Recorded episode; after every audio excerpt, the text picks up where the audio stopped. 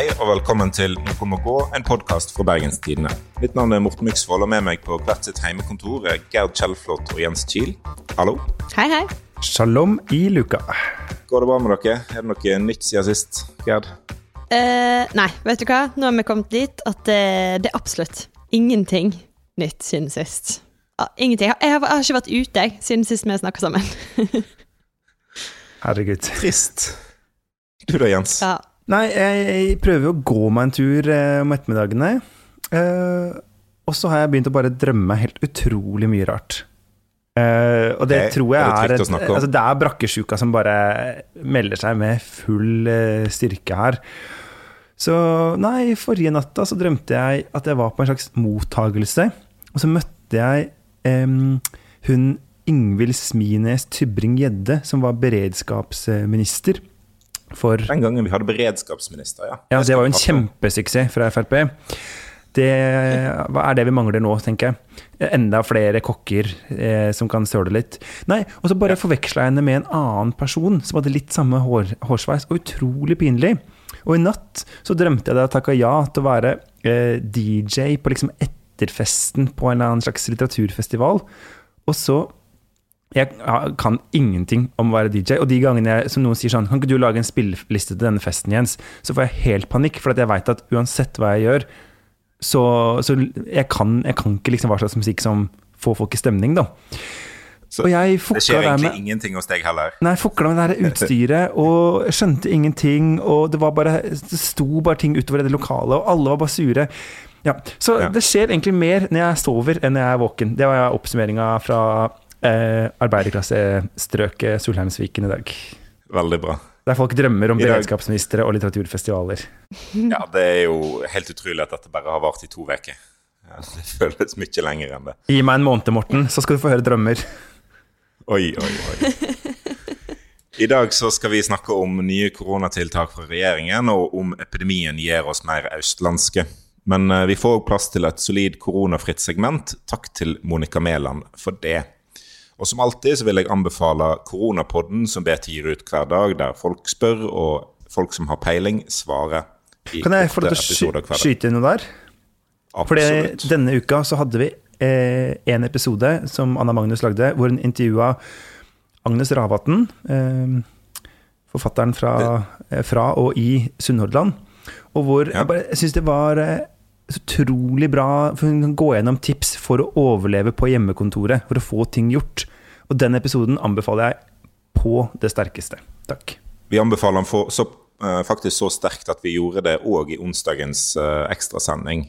Uh, så Agnes Ravatn-episoden må du høre minst to ganger. Jeg har hørt den to ganger, faktisk. Regjeringen kom jo med ei tiltakspakke i dag tidlig fredagsmorgen. De har planer om å bruke mellom 10 og 20 milliarder kroner i måneden.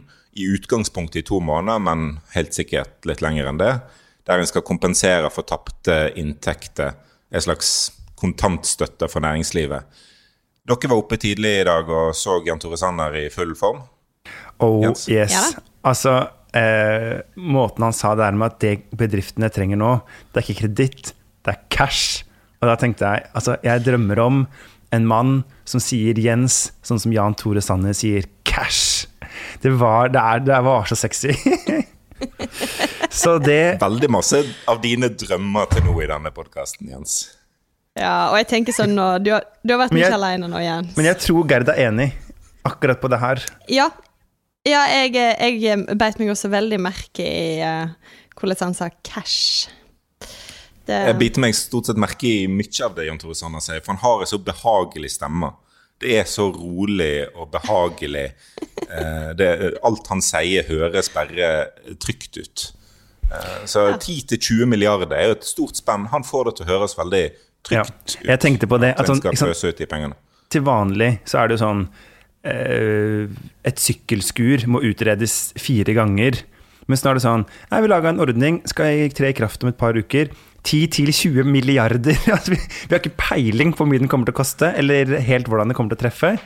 Det får bare være og, greit. altså, jeg, og, og det er- det er 10-20 milliarder i måneden. Ja. Så det er ikke bare Foreløpig to måneder, og så kan det vare så lenge som man trenger. Men jeg syns er... dette er jo er, selskap som eh, har blitt En del har jo blitt pålagt å stenge ned, sånn som frisører og treningssentre. De skal få mer av den ordningen, men det er jo meint å egentlig kompensere det at vi sitter på hjemmekontoret vårt og ikke er ute og bruker penger. For folk har jo ikke kunder lenger mm. i, i mange av bedriftene.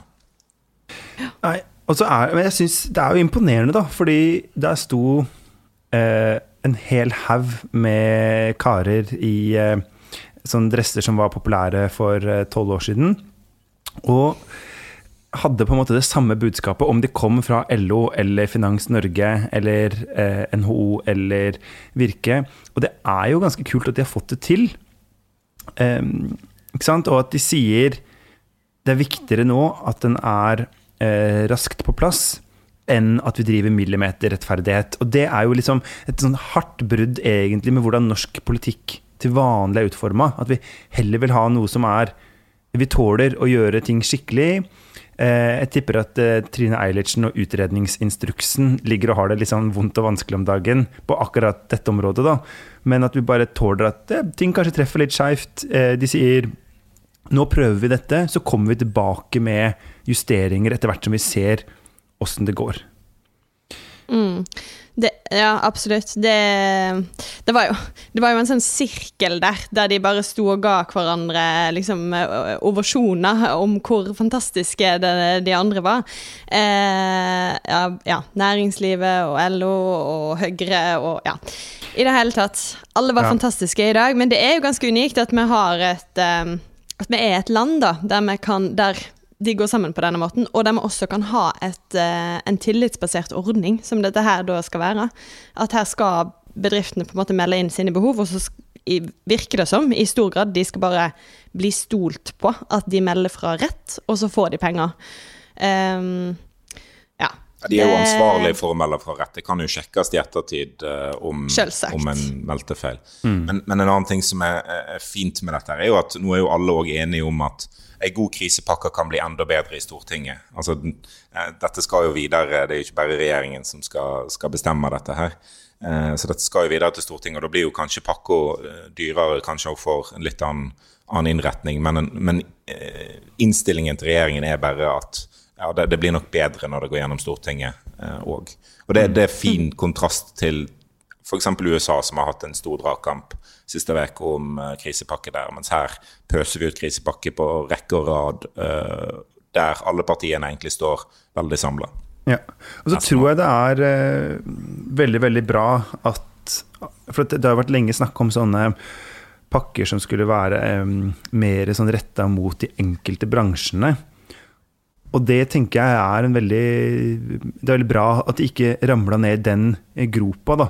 Fordi at da hadde det lett blitt bare sånn Ja, dragkamp. Er det mediebransjen som er mest ille ute nå, eller er det frisørene? Uh, har serveringsstedene Kan vi egentlig klare oss uten dem? Og i så fall, hvor mange er det vi skal tåle at går konkurs? Altså, nå på en måte lager man litt sånn store, runde ordninger. Uh, og det vil jo også antageligvis gjøre at sånn OK, de selskapene som allerede var på konkursens rand fra før, da, de vil jo fort vekk ikke kunne klare det under denne ordningen heller, vil jeg tro. Uh, og det må vi på en måte leve med. Vi må leve med at det blir konkurser. Um, ja. mm. og, men at det at man ikke skal sitte og på en måte politisk i stor grad plukke hvor de konkursene skal komme, det tror jeg er veldig greit, da. Mm. Og så tror jeg at særordninger eh, blir mye, mye vanskeligere å ta vekk igjen etterpå. Altså at hvis man f.eks. Målet deres mm. Målet deres er jo å, å, lage en måte å pøse ut milliardene enklest mulig. Ja. Eh, og mange bransjer sliter med akkurat det samme. De har ikke kunder lenger. De har ikke folk som kjøper eh, varene deres. De trenger ikke produksjon nå. Uh, og da er jo tiltakene liksom, De trenger ikke være forskjellige fra bransje til bransje. Eh, og så var det jo et veldig sånn podkastvennlig pressekonferanse en hadde i dag. da, Der en presenterte liksom de overordnede prinsippene for dette. Sa 10-20 milliarder, dette gjør vi. Og så kommer liksom, detaljene de kommer neste fredag. Eh, det var òg veldig fint gjort av de. Ja. Da blir det detaljpodkast om næringsstøtte neste fredag. Er det det du prøver å love lytterne, Morten? Det blir kjempegøy. I så fall eh, tror jeg søker om langhelg eh, neste uke. Blir permittert neste fredag. Ja. Ja. Skal vi gå litt videre til uh, Da da var jo en, en uh, Regjeringen forlenger jo alle disse tiltakene som de har innført for å begrense smitte, ikke bare for å begrense konkurser denne veka, der skoler skal fortsatt være stengt over påske. Det samme med eh, barnehager, frisørsalonger og ja, det meste eh, andre eh, skal være stengt. Eh, og Der dukker det jo opp en eh, veldig interessant debatt i, i, i den presentasjonen da, tirsdag, der en eh, nå diskuterer egentlig to ulike strategier for å bekjempe eh, koronasmitten. Nemlig den bremsstrategien som Norge har vært på siden 12.3, der en skal redusere smitten, og undertrykk, der en skal redusere smittespredningen enda mer. Eh, hva fikk dere ut av denne, eh, disse to strategiene?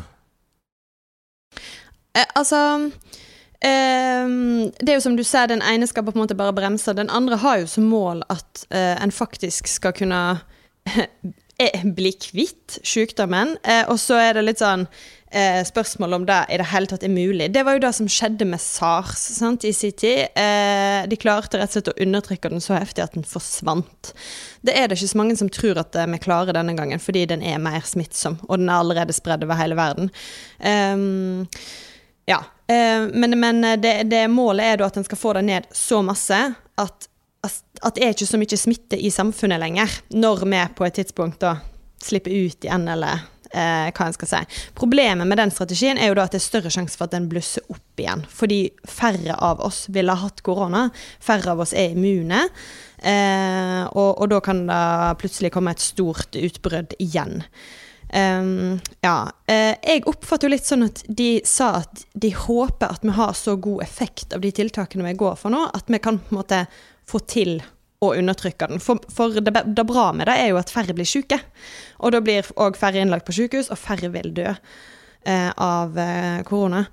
Um, Og ikke minst men, at, um, at det ser ut som hvis man, klarer, hvis man lykkes med det, så vil jo også antageligvis færre dø av andre sykdommer. Altså fordi at da har helsevesenet kapasitet til å ta av kreftpasienter og hjertepasienter og hva det skulle være, alt sammen. Ja. Men tror dere Jeg, skrev en kommentar denne uka der jeg eh, sa at folk måtte liksom, forberede seg på at det kan bli hardere tiltak nå, fordi at Folkehelseinstituttet skriver i sin rapport at, eh, at tiltakene kan bli svært omfattende med undertrykksstrategien kontra omfattende med, med bremsstrategien. Er dere klar for en litt strengere hverdag en periode? Eller tror dere ikke at det er nødvendig? Eh, altså, der kom du med den der lille brannfakkelen din, Morten Miksvold. Og jeg har jo da eh, Altså, denne kommentaren har vi diskutert nå i noen dager eh, på avdelinga. Og jeg er jo da eh, Erklærte jo etter publisering, så er jeg sånn litt sånn derre Og skrev tilbake til deg sånn åh, denne syns jeg bare var for alarmistisk. Eh, da kjente jeg at det var litt sånn eh, Det blåste meg litt opp. Men Ja. jeg eh, mener jo at du tar for hardt i i den kommentaren. Eh, Ja. Fordi sånn som jeg forstår det, så mener Folkehelseinstituttet at mellom eh, brems og undertrykk, disse to ordene som vi nå bare må leve med, så er det en glidende overgang også når det gjelder og stor usikkerhet om tiltakene. Og sånn som jeg Ja. leser din kommentar, så selv om du tar en del forbehold, så er liksom det etterlatte inntrykket er forbered deg på hardere tiltak. Winter is coming, på en måte. Og når vi hører eh, Folkehelseinstituttet seinere denne uka, så sier jo de at de ser for seg at de skal eh, lette på dagens restriksjoner ganske snart. Eh, det vil ikke være lang tid før de kan gjøre det. Eh, og at f.eks. Når, når det i den ene rapporten du viser til fra eh, Det var ikke Folkehelseinstituttet, men de andre Helsedirektoratet. Takk. Eh, setter opp portforbud som et mulig tilleggstiltak, så tenker jeg at det å hive inn ordet portforbud, det er jo sånn signalord.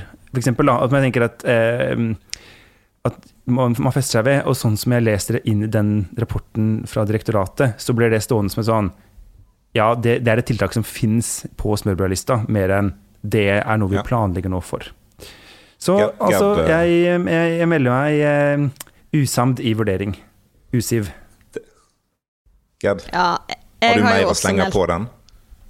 Eh, ja, jeg vil bare slenge på at jeg er jo, for da vet jo du, for som han sier, vi har diskutert dette noen dager. Jeg er jo mer på Jens-linja enn på Morten-linja. Eh, det er mulig at jeg er en sånn håpløs optimist, men, eh, men jeg heller eh, tror liksom ikke nødvendigvis at vi har det verste eh, i vente. Eh, for eh, eh, ja, det, det er uh, ikke for enhver pris, tror jeg, at, at en uh, skal gjøre dette. Det, det, det kan aldri bli sånn at vi skal bli sittende inne i måned etter måned. For da forsvinner samfunnet vårt der ute. Altså det, eh, det er ikke verdt det, og, og folk kommer til å dø av andre ting.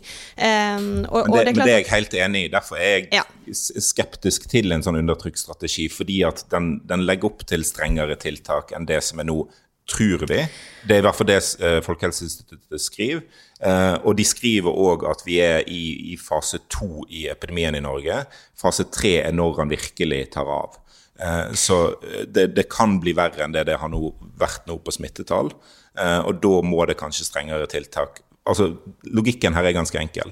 Hvis hver person skal smitte færre enn han gjorde i går, så må en være i nærheten av færre personer i morgen. Eh, Og da må en kanskje ha strengere tiltak for å få det til. Og så sier jo Folkehelseinstituttet òg at det betyr at epidemien kan vare lenger. Det betyr ikke at de ekstremt strenge tiltakene som kanskje kommer, vil vare veldig lenge. Det kan være at de varer bare en kort, kort periode. Eh, Ja, og så men- håper jeg at det ikke er nødvendig. Og vi vet jo Men- ikke helt hva tiltak som er nødvendig heller, fordi vi har ikke lært nok om de tiltakene vi innførte 12. mars. Jens Men det eh, er akkurat orientere. da, da. Fordi de sier at, at hele målet med denne undertrykksstrategien er jo at vi får et så lavt antall nye smitter at en kan drive aktiv smitteoppsporing og vedlikeholde situasjonen, som det står i Helsedirektoratet, som siterer den her Imperial College-rapporten. Eh, målet med denne strategien er jo at det skal være så lite smitte at vi kan slippe ut igjen. Og så Ja. når det blir noen syke, så kan vi isolere dem og, og finne ut hvem de har vært i kontakt med, og sånn holde ha- det i sjakk hele veien.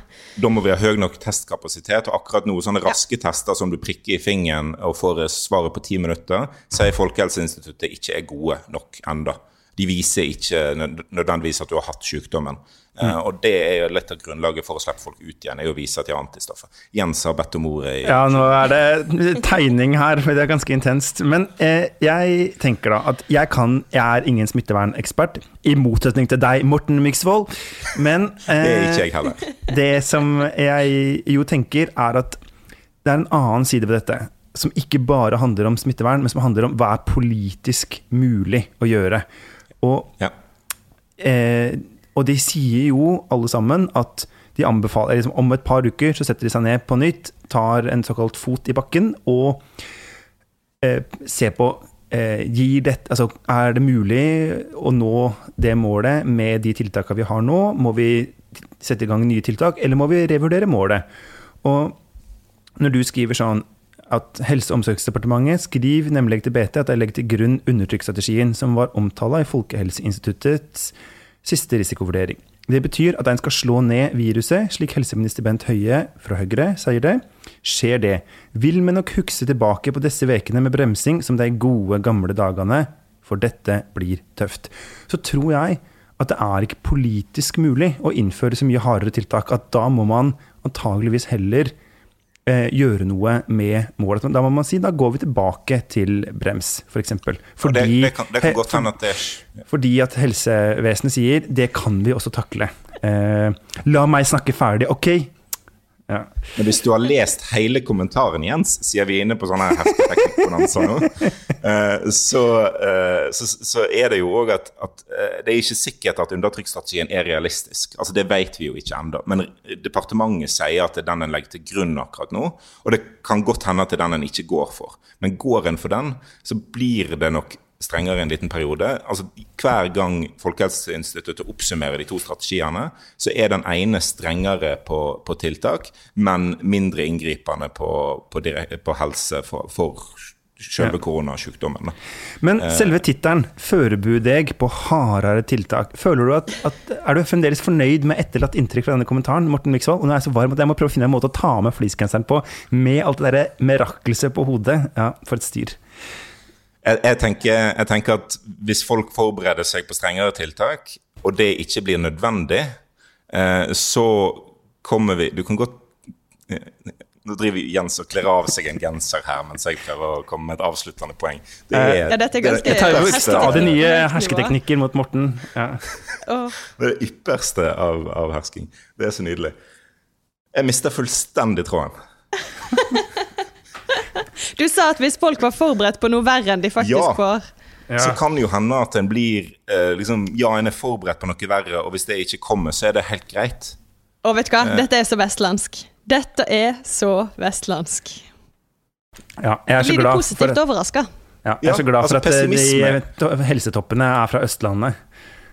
Pessimisme kan føre til godstemning, egentlig. eh, når pessimismen ikke slår til. Og vi må jo bare håpe at pessimismen ikke slår til. Det er optimismen i dette. her. Imperial College, avdeling. Radøy.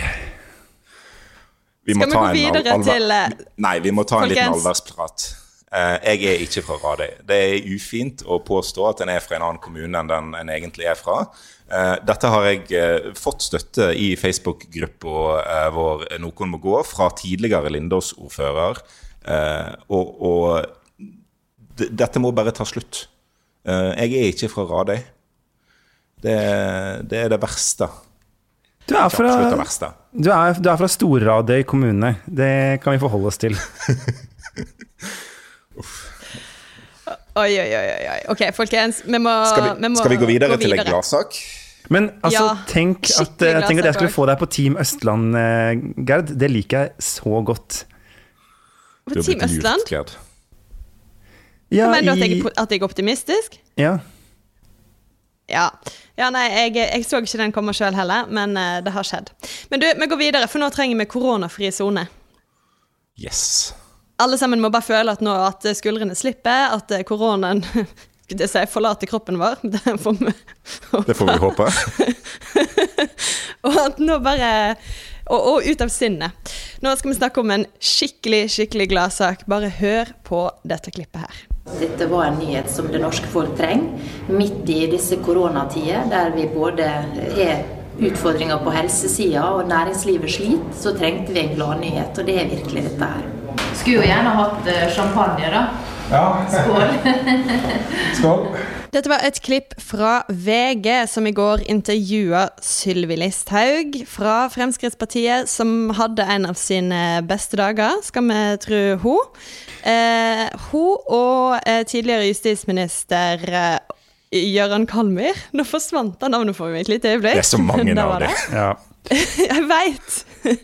Eh, feira med kake i går fordi at mulla Krekar er sendt ut av landet. Og det var en kakefest uten énmetersregel, for å si det sånn. Eh, Ja, de sto så tett. Dette var verdt å bryte, bryte retningslinjene for. Det var helt tydelig. Kaken hadde også påskriften 'God tur, Krekar'. Eh, det er liksom, for de som husker Per Sandberg og den der eh, Good Journey-T-skjorten, så Mm. syns jeg det var et, en fin liten eh, Som, som han gikk med på landsmøtet midt under flyktningkrisen. Eh, det, det er verdt å ha med, den good journey. Ja. Ja, Eh, Men ja. hvor, eh, hvor eh, glad er dere på en skala fra én til ti? Eh, altså, jeg, jeg klarer ikke å forholde meg til den skalaen i det hele tatt, eh, Gerd. Uh, jeg, jeg har ganske masse ting å si om dette. Uh, til en forandring fra alle de andre temaene vi er innom i denne podkasten. Ah. oh, men dette blir Har du meninger? refreshing. Ja. Men punkt én. Eh, ok, jeg syns det er bra at eh, på en måte systemene fungerer. At, eh, når, at når det er et gyldig vedtak om at han skal utleveres til eh, Italia, så skjer det. Og vi må på en måte ha tillit til at rettssystemet i Italia fungerer sånn som det skal. Og så eh, mener jeg at det er noe utrolig rart med å se to eks-justisministre som feirer Det er ganske usmakelig. Det er ganske heftig. Og forskjellen på det og fra Monica Mæland sin pressekonferanse Helt nøytral, ingen sånne verdivurderinger i sine utsagn. Eh, og til det her greiene Ja, for jeg mener for han og hans familie altså Det er jo ekte mennesker vi snakker om her, tross alt. Selv om eh, han er anklaga for eh, voldsomme ting. Terror, planlegging osv. Han, han, bare, bare, jeg må bare skyte inn der. Han er ikke anklaga for voldsomme ting. Han ble dømt i fjor til tolv års fengsel for terrorplanlegging. Ja, ja det, er, det er riktig. i celle ja. i Nord-Italia. Ja. Uh, så, så det, er en, det, er en, ferdig dom som Ja, det er helt korrekt. Uh, jeg merker at mulla Krekar-kunnskapen min er ikke helt på topp i disse dagene. Det er ikke det jeg har sittet og tenkt mest på uh, før det plutselig dukka opp i går. Og så tenker jeg at um, på en måte Er det bra? Er det dårlig? Når de sier sånn fra Frp at nå kan alle nordmenn føle seg tryggere, så må jeg bare innrømme jeg har ikke følt meg utrygg i Norge fordi mulla Krekar er her. Det, jeg har eh, Nei. ikke hatt sittet med den følelsen. Der er jeg kanskje Jeg vet ikke hvor dere er på den linja. Ja, hva altså, du, Morten? Dette er jo ditt gamle parti. ja, som den, den eks-Frp-eren jeg er, så måtte mulla Krekar ha opptatt meg en del opp gjennom årene. Og jeg er glad for at han er sendt ut av landet. Jeg syns timingen er jo litt rar. Å sende en eldre mann til, til Italia akkurat nå eh, er jo litt, litt, spesiell. Men det tror jeg eh, en har eh, orden på. Feiringen til Sylvi Listhaug og, og, og Kalmyr, som har måtte, hatt beredskapsansvar i Norge, å gjøre noe sånt midt under en, en epidemi, er veldig sært. Men, men det, jeg syns det er bra at han er sendt ut. Jeg, jeg, føler meg ikke nødvendigvis tryggere i Norge av at han er sendt ut. Men det er nok folk som kan føle seg tryggere av at han er fengsla. Eh, han, han, er dømt for, eh, for, terrorplanlegging i lag med vel 17 andre, tror jeg det var. Eh, I Italia er terrorceller som har spunnet ut fra den Ansar al-Islam-gruppa som han leda i sin tid. Og det er potensielle offer der som, som har, har, blitt redda av, av at, at, de planene har blitt stoppa. Det er jeg glad for.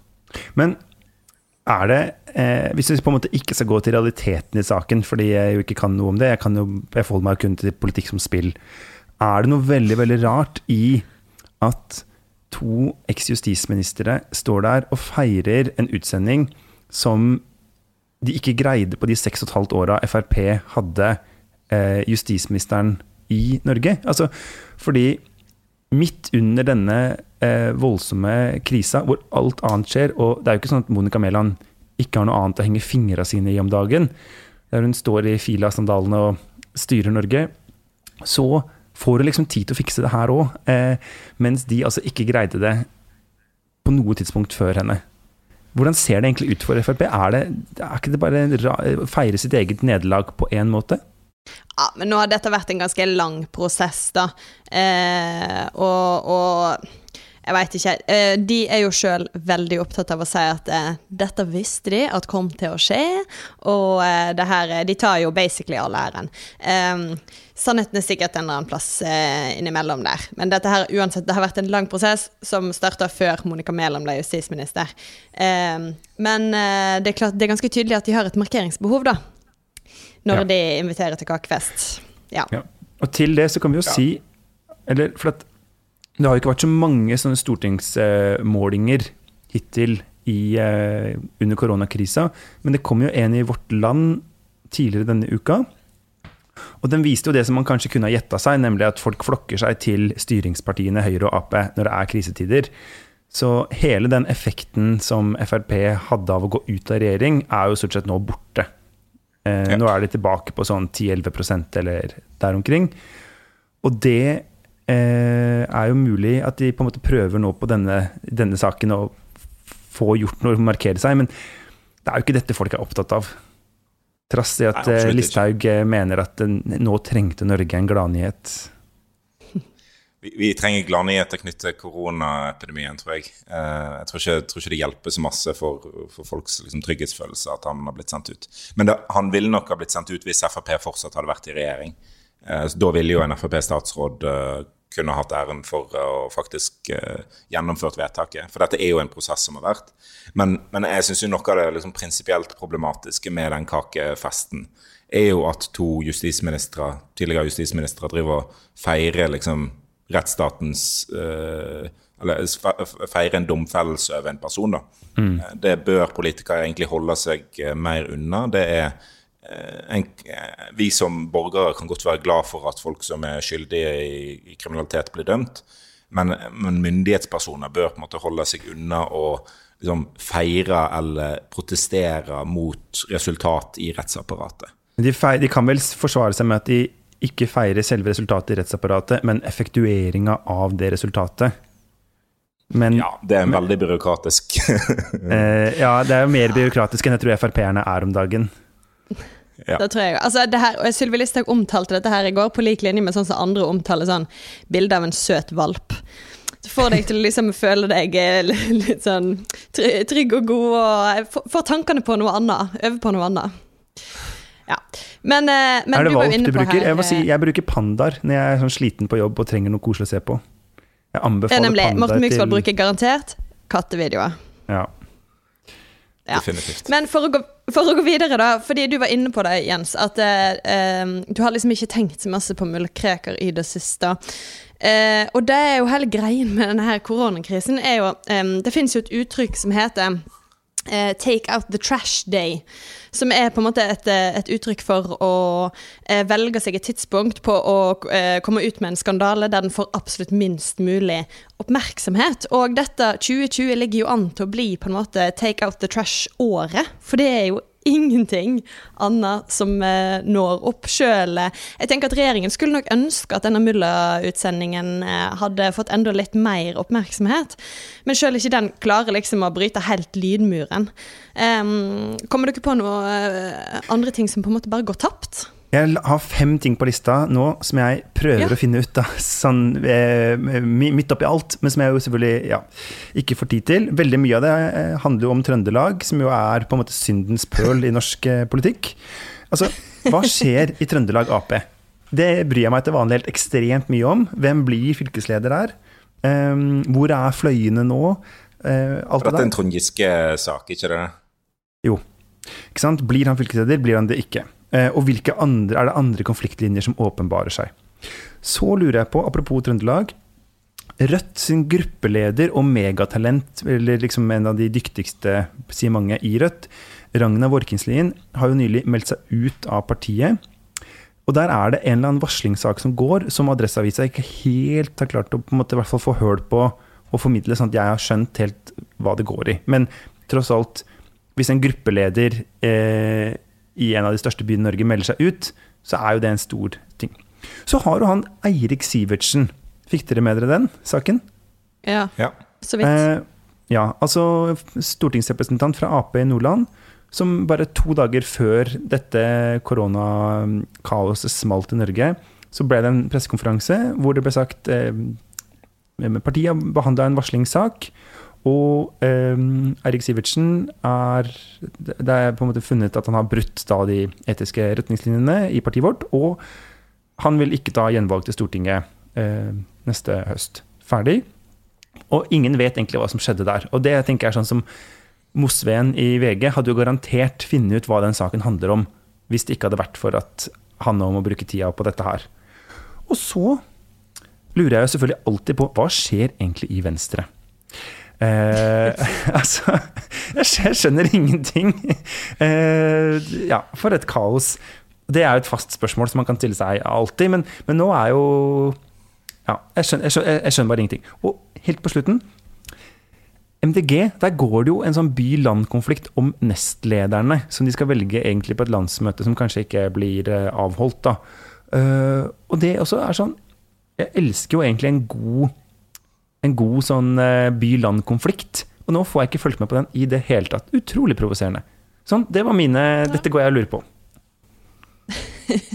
ja. Men det er jo Ja, Morten, har du noe å tilføye? Nei, altså jeg hadde jo sett fram til den store liksom rusreformvåren, der en skulle få gjennom uh, forhåpentligvis uh, liksom det viktigste sosialpolitiske tiltaket på mange, mange år. Uh, nemlig den rusreformen som, som regjeringen har holdt på med. Eh, og liksom, det var det jeg forberedte meg på. Og hva pokker skjedde med iskanten? Ja. Eh, hvor har den blitt av i alt mylderet? Eh, det, det, lurer jeg på. Mm. Typisk deg å bry deg om ja, altså, ekte sakspolitikk. Det, Dette her er jo Veldig året, i hvert fall. faktisk. Det er virkelig året for å, for å ta noen kontroversielle saker. Hvis, det, hvis bypolitikerne i Bergen hadde vært smarte nå, så hadde de bare begynt å bygge den der bybanen over Bryggen. Ja, innført portforbud, og så, så alle, ingen kunne se det, og så bare smelt opp et par skinner. Men Tina Bru, den nye oljeministeren, hun, midt under alt dette her, så sier hun at hun skal droppe North Connect-kabelen til Skottland. Hun kunne jo bare bygd den. Ingen ville jo lagt merke til det. Hun skal Hun har jo droppe misforstått. Ja, men hun skal også få bygd noen vindmøller på Haramsøya og Stadlandet. Så der har hun på en måte utnytta muligheten veldig godt, da. Ja. For det Ja, er, det er jeg vil si, ikke direkte ukontroversielt. Ja, bra. Altså, jeg, er ikke, jeg veit ikke helt hva jeg mener om det. Jeg tror ikke jeg er for det, men eh, eh, det er i hvert fall Men det finner du ikke ut av nå, for du har ikke tid til å tenke på det, og du får ingen informasjon om det. Takk. Nei. Jeg tror vi tar og går videre til vår faste spalte og Vestland. eh, Der Jens forsøker å finne ut hva dette Vestlandet er for noe, og lærer stadig mer om det. Hvor har du tenkt å ta oss i dag, Jens? Du, det skal jeg raskt svare på. Men ved å gi deg et lite hint, Morten Myksvold, hør litt på dette.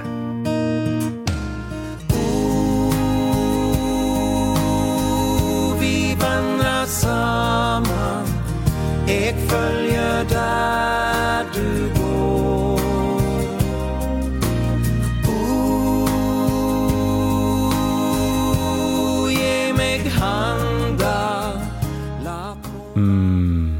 Det er nydelig, er det ikke det? Vi vandrer sammen. Eh, Olav Stedje sin, jeg vil si, eh, vestlandske monsterhit. Er ikke det korrekt? Jo. Det er trygt sagt ja. Ja. Ja. Fordi vi har fått inn eh, leserpost fra Ingrid Skarstein, eh, som er eh, mor og eh, rask gåer og tvillingmor. Og hun går rundt med en tvillingvogn som tar mye plass og er uhamsleg å få opp og ned av fortauskanter. Og det som eh, vår lytter eh, Ingrid Skarstein vil diskutere, da, det er om eh, koronaviruset gjør noe med eh, Vestlandets eh, måte å gå forbi hverandre på. Fordi hun mener at før så har det vært sånn at det å bare Det, det å liksom spørre pent sånn 'Unnskyld, kan jeg komme forbi deg?' Det er sånn som jeg driver med. ikke sant? Det blir sett ned på her på denne kanten av landet. Mens eh, det å bare måke på, tråkke på tær, bokstavelig talt, det er mer akseptabelt. Eh, så hun tror at eh, nå, fordi nå er det liksom ikke lov å komme nærme hverandre, så går ikke det lenger an. Eh, og derfor så vil koronaviruset kanskje for alltid endre den litt sånn behagelige uhøfligheten som råder. Skjønner dere hvor vi skal hen? Ja. Ja. Vi har, altså, hun lurer, på om, hun lurer på om vi blir mer østlandske av koronaviruset, vet ikke det? Mitt postulat. Vi kan få en ny fortauskultur i Bergen, kanskje på hele Vestlandet pga. denne pandemien. Det kommer til å bli vanlig å be om lov til å passere folk, og folk kommer til å flytte seg. Så hva tenker dere? Tror dere at dette kommer til å skje? Og eh, er det en bra ting? Vi kan starte først, Gerd. Tror du at eh, hilsereglene vil eh, endre seg, og, flytte, og folk vil flytte seg på andre måter? Og Ja ehm, Det er et veldig godt poeng, dette her. Eh, eh, god observasjon fra hennes side, vil jeg si. Eh, det er nok mulig at, eh, at ja, det gjør det. Jeg, ehm, jeg har jo eh, syns at eh, det har vært veldig deilig egentlig litt med denne pandemien, for det gir meg en unnskyldning til å gå liksom store omveier om folk. Altså, eh, jeg, jeg liker ikke å drive og smyge meg forbi folk. Jeg liker å ha min intimsfære rein, på en måte. Og den er to meter i alle retninger. Ja, det har den vært alltid. Så Ja. det her eh, Til, til de som nå ikke på en måte får oppleve Gerd på denne videochatten samtidig, så viser du nå med hendene nøyaktig hvor stor intimsfæren er, og den er, jeg vil si, den er raus. Den er så lang som jeg rekker, så det blir vel 1,73 eller noe sånt da, i alle retninger rundt meg. Ja. Ehm, Ja. Eh, men, og, og nå er det på en måte helt greit da, at når det kommer noen mot meg på veien, så kan jeg på en måte velge meg å den helt motsatte enden av veien for å holde mest mulig avstand. Og det er på en måte naturlig og høflig. Og hvis da blir eh, enden på dette, at vi alle sammen holder skikkelig avstand, så er jeg glad. Da har jeg rom å, til å Men du svarer altså ikke på spørsmålet fra vår lytter, fordi eh, nei. eh, det som er spørsmålet her, er på en måte eh, Når du da går i type oppstemten, hvor det jo ikke er mulig å gå eh, to meter fra alle andre Altså det er den steintrappa opp til Ulriken her i Bergen. Eh, Vil du da begynne å si eh, hei, hei, hallaisiken, flytt deg? roper det ut. 'Hei, flytt deg! Eh, da tror jeg, Det er jo ganske vestlandsk, så da eh, Og ikke si sånn her eh, Unnskyld, men eh, kunne jeg komme forbi? Eh, ja, eh, men jeg har Her skal jeg innrømme at jeg har egentlig aldri Nei, alltid eh, vært litt sånn Unnskyld, unnskyld, unnskyld! Ja, du har liksom en da. liten fascist i deg. Ja. Eh, for, men, og det er jo igjen kanskje noe med dette her med at jeg liker ikke å liker du bare svare ja på det. Jeg- det. Egentlig så ville jeg hatt med meg en liten Monica Mæland som gikk foran meg og, og rydda vei. Åkras egen Mussolini. Men du, Morten Miksvold. Eh, altså, du er jo en, en fortausgåer, god som noen. Tror du at eh, hun har et poeng? Er vi i ferd med å endre oss? Ja, altså jeg, jeg holder jo et litt høyt tempo, forsøker jeg, på fortauet. Og syns er irriterer meg jo folk som går sakte i butikker og på gate, og som stopper overalt og sånt. Og jeg, jeg pleier å si ifra hvis jeg vil forbi, men det er jo ikke en god følelse å si 'unnskyld, kan jeg få komme forbi'? Det er litt som også når jeg sykler og ringer med ringeklokka på sykkelen. Så er det en litt sånn flau følelse av at jeg må si ifra. Eh, men Mm. For det er noe, kunne jeg sånn aldri gjort. øynene er plassert på fronten, og folk kan ikke se overalt. Så, så noen må på en måte ta den byrden og initiere sosial kontakt for å få lov å gå forbi. Mm. Eh, jeg, jeg tror kanskje ting kan endre seg litt, at en i hvert fall blir mer obs på at det finnes andre folk rundt seg. Eh, jeg eh, var på butikken for et par dager siden og ble stående en stund fordi at noen hadde sagt handlevognen sin midt i gangen, og sto da omtrent midt i gangen og så på varer. Det var umulig for meg å gå forbi og fortsatt holde meg til liksom foreslåtte avstander mellom folk. Og da bare ble jeg stående der, litt sånn passiv-aggressivt. Eh, så hvis folk kan bli mer observant på at folk rundt seg er der, så er det en bra ting. Jeg vil ikke si at det er østlandsk eh, å være det. Altså Blir vi mer høflige når vi spør og sånn, så kan vi heller spinne det og si at vi blir mer britiske. Det tror jeg er lettere å svelge for, eh, for oss her vestpå. Ja, ikke sant. Fordi um, hun har jo også da innført noen sånne, eller gjort noen sånne um, observasjonsstudier. Og hun mener jo da at jo høfligere, jo dårligere mottagelse, sånn som jeg leste henne. mm. At det er på en måte den vanlige måten å gjøre dette på. At, man, at det er bedre å si Øy, enn å si sånn Unnskyld, men kan jeg bare smette forbi deg? Å, herregud. Jeg får, Er det sånn du sier? Oh, det, ja, altså Si heller 'flytt deg' Ja. eh, enn 'unnskyld, kan jeg smitte forbi deg'? Altså, Det går ikke an å snakke sånn.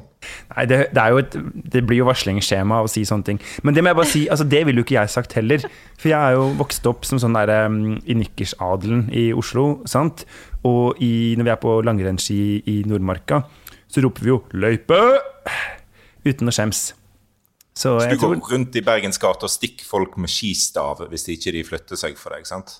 Altså, Fattern er litt opptatt av det. At hvis eh, noen står på tvers av løypa, så skal du bare, og du kommer nedover bakken, så skal du bare renne tvers over skia deres uten å si noe. For da lærer de. eh, så sånn, sånn gjør vi det, da. Ja. Men jeg tror at vi må tilbake til det temaet igjen på, på seinere eh, tidspunkt.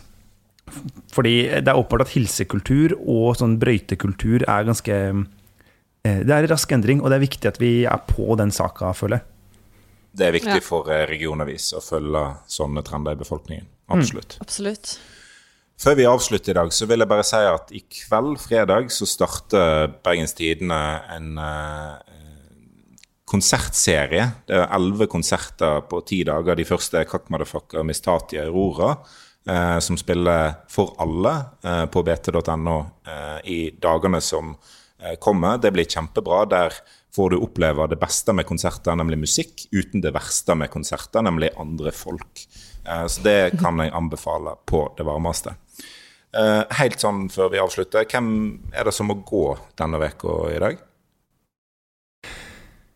Eh, Mulla Krekar måtte jo gå, da. Men, eh, og, Ja. og sju justisministre fra Frp måtte jo gå før han måtte gå. Ja, eh, men jeg syns at Sylvi Listhaug og Jøran Kalmyr kanskje må gå nå. Igjen. Eh, ja. Ja, perfekt. Men Da er vi også, oppe i ni justisministre fra Ja.